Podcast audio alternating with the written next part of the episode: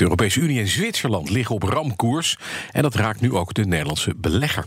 Die ruzie is ontstaan omdat er een groot aantal bilaterale verdragen vervangen moet worden.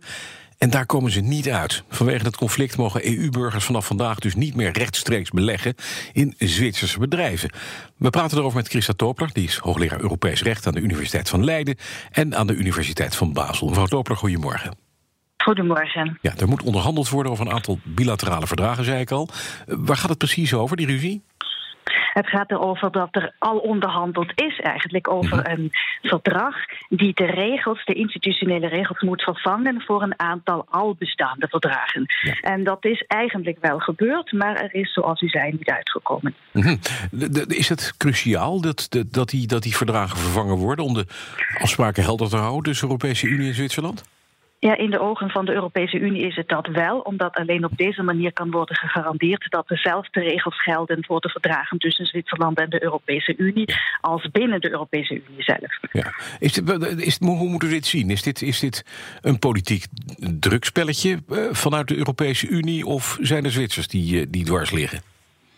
Nou, het is waarschijnlijk alle twee. De Zwitsers zijn niet bijzonder snel met de toestemming voor uh, dit uh, institutionele verdrag. Dat duurt heel erg lang. Mhm. Maar het is inderdaad een politiek drukmiddel, omdat deze beurs uh, aan deze erkenning van de aandelenbeurs heeft überhaupt niets te maken met dat institutionele verdrag dat we zojuist hebben genoemd, juridisch gezien. Oké, juridisch gezien niet, maar de, de EU-burger heeft er wel last van. Nou, de Europese Unie heeft een link gelegd tussen de twee dingen. En heeft gezegd: als Zwitserland nu niet echt een beetje sneller wordt en die doet, dan gaan we gewoon deze erkenning van de aandelenbeurs, van de Zwitserse aandelenbeurs, laten, doen we niet, uh, gaan we niet verlengen. En dat is dan nu gebeurd. Maar nogmaals, dat heeft eigenlijk juridisch gezien met hm. deze institutionele vragen überhaupt niets te maken. Maar je zou zeggen, dit uh, gaat direct, uh, grijpt dit in, in, de, in de financiering van, van Zwitserland als staat met een beurs. Uh, zijn de Zwitsers daar niet van onder de indruk? Ja, men was uh, zeer verontrustigd, dat moet ik wel zeggen. Want dit nu al maanden, want men zag het potentieel komen. Echter is het zo dat de Zwitserse regering tegenmaatregelen heeft genomen. En die zijn zo dat. Uh, mensen of, of, ondernemingen vanuit de Europese Unie mogen nu met de meeste Zwitserse aandelen niet meer handel drijven buiten Zwitserland. Ja, we hebben gebeld met de VEB, de Vereniging Effectenbezitters, zeggen dit is een drama. Maar Zwitsers die laten zich dus de les ik niet lezen. Die zeggen gewoon hak in het zand, we doen het even niet. Nou, het, ja, inderdaad. Maar het is niet zo dat men het zomaar niet wil doen. Het is heel moeilijk om het te doen. Want uh, in Zwitserland, als u iets wilt uh, gedaan krijgen op mhm. politiek niveau, dan heeft u niet alleen de regering nodig en niet alleen het parlement erbij, maar ook het volk vanwege een referendum. En dat is het probleem. Juist.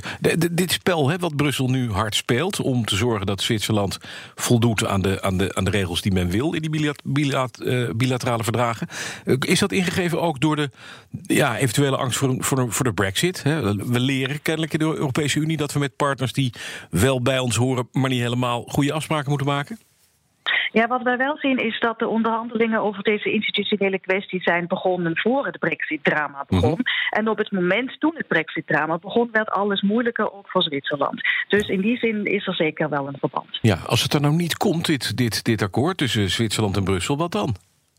Nou, ik denk niet dat het nu al duidelijk is dat het niet komt. Mm voor Zwitserland is het meestal een kwestie van meer tijd hebben, nog meer tijd hebben, nog meer nadenken. En uiteindelijk komt het dan toch. Alleen door deze maatregel is het wel zo dat men in Zwitserland nogal woedend is over het gedrag van de Europese Unie. Men vindt het eigenlijk een soort discriminatie, dat het niet kan. En vandaar weet ik niet zeker wat nu de, de algemene gevoelens zijn. Of nou. man uiteindelijk uit een soort uh, uh, trots, zouden wij zeggen in het Duits, mhm. dan het juist niet doet, alhoewel het misschien zinvol is. Ja, en ik kan me voorstellen dat Zwitsers nu denken: van, nou, maar dan kan je nog even langer wachten. Je wacht ja, maar even. Je ja, nog even. ja, ja, ja, ja, we laten ons niet onder druk zetten. Nu komt er sowieso een zomerpauze. Er is zeker een prijs daarvoor die we moeten betalen. Maar wat, wat dat dan zou zijn, dat moeten we nog zien. Juist, nou, wat de gevolgen zijn voor mensen die op de beurs handelen in Zwitserland, particulieren dus, gaan we de VB straks over spreken. Dank u wel, Christa Topler, hoogleraar Europees Recht aan de Universiteit van Leiden en aan de Universiteit van Basel.